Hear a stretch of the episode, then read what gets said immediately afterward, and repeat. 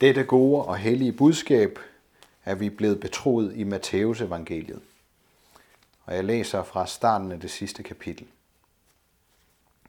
Efter sabbatten, da det gryede af den første dag i ugen, kom Maria Magdalene og den anden Maria for at se til graven. Og se, der kom et kraftigt jordskælv, for Herrens engel steg ned fra himlen og trådte hen og væltede stenen fra og satte sig på den.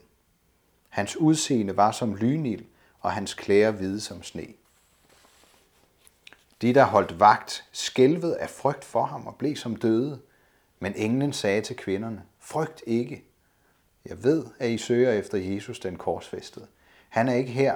Han er opstået, som han har sagt. Kom og se stedet, hvor han lå. Og skynd jer hen og sig til hans disciple, at han er opstået fra de døde. Og se, han går i forvejen for jer til Galilea. Der skal I se ham. Nu har jeg sagt jer det. Og de skyndte sig bort fra graven med frygt og stor glæde og løb hen for til, for, for at fortælle hans disciple det. Amen.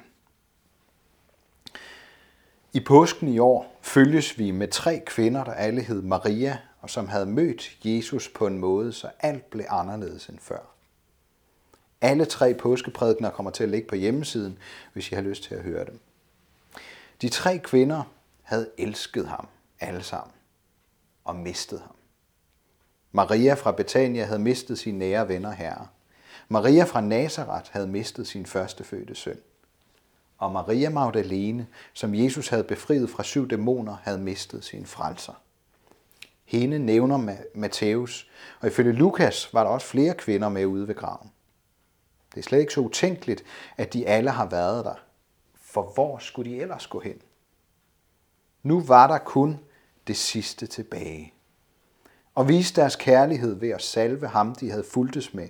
Se dø på korset og blive taget ned og båret hen i en gravhule. Så langt kan vi nok alle være med. For hvis vi ikke kender det, så kommer vi til det før eller siden. For dem vi elsker, skal vi også miste en dag.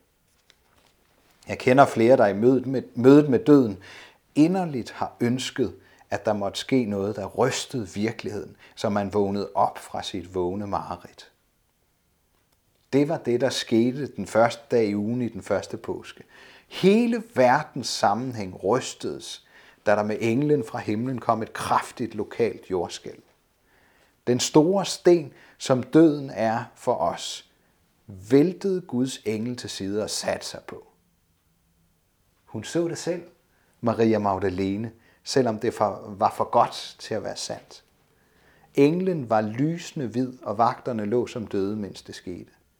Først blev hun rystet, så blev hun blændet, og til sidst hørte hun de ord, vi altid har brug for, når Gud viser sig for os på den ene eller den anden måde.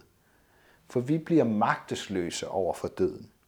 Men i mødet med Gud bliver vi små og måske bange.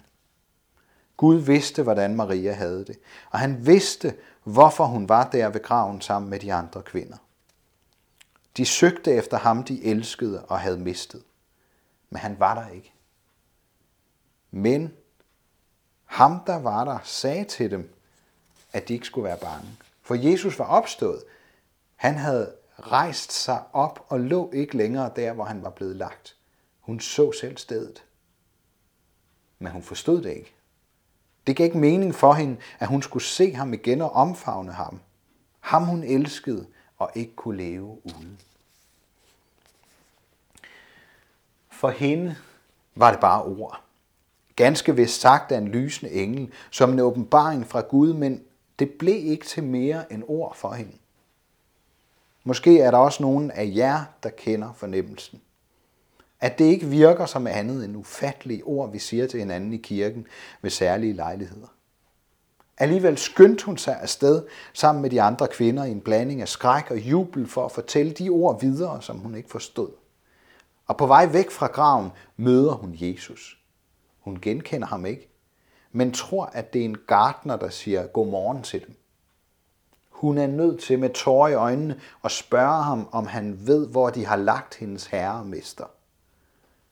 Først da Jesus siger hendes navn, går det op for hende, at hun har fået ham tilbage. Jordskælv, lynild og en engel, der så let som ingenting flytter en kæmpe sten for hende ikke til at tro.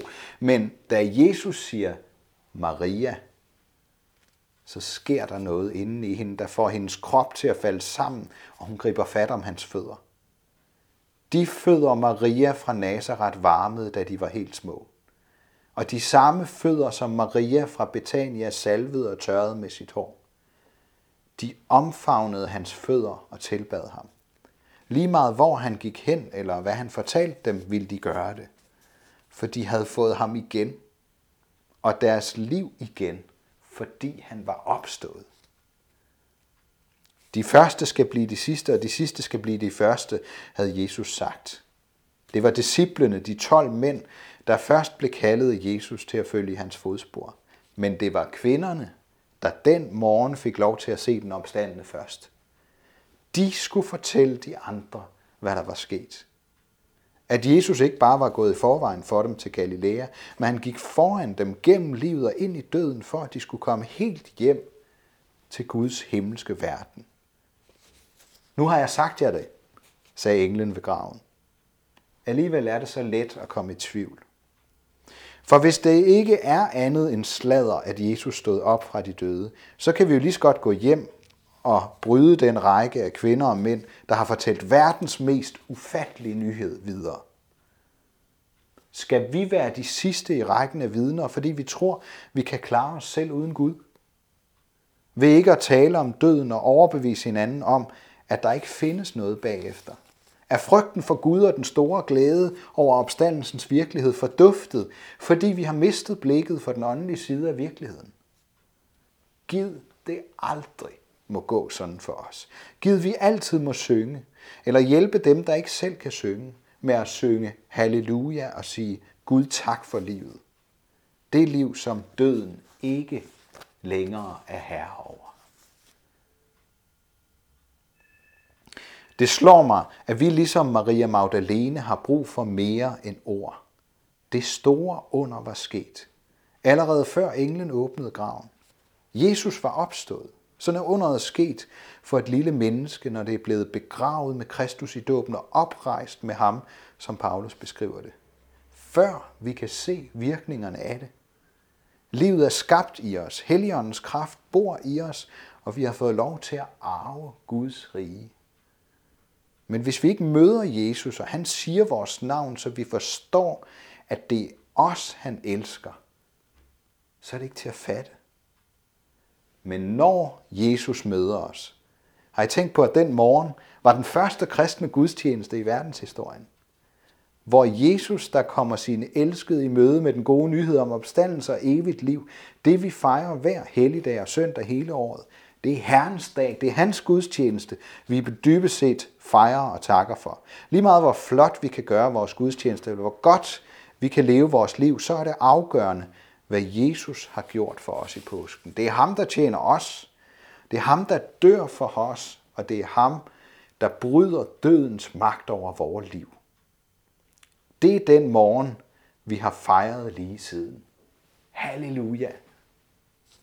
Når Jesus møder os, så kan der ske det, at ord og under bliver levende for os. Det er alt sammen sket og fuldstændig virkeligt allerede. Men Jesus ønsker, at vi skal tage det til os, som Maria Magdalene gjorde det.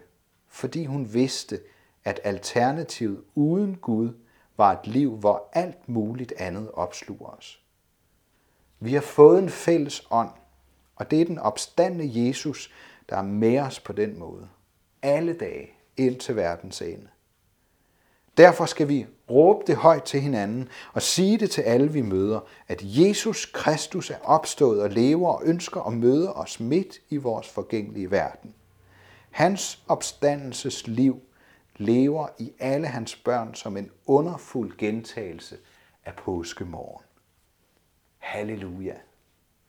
Ære være Gud, vores far, der har skabt os i sit billede. Ære være Guds søn, der tog vores straf, så vi kan slippe fri. Ære være Helligånden, ham der gør Guds kærlighed levende for os.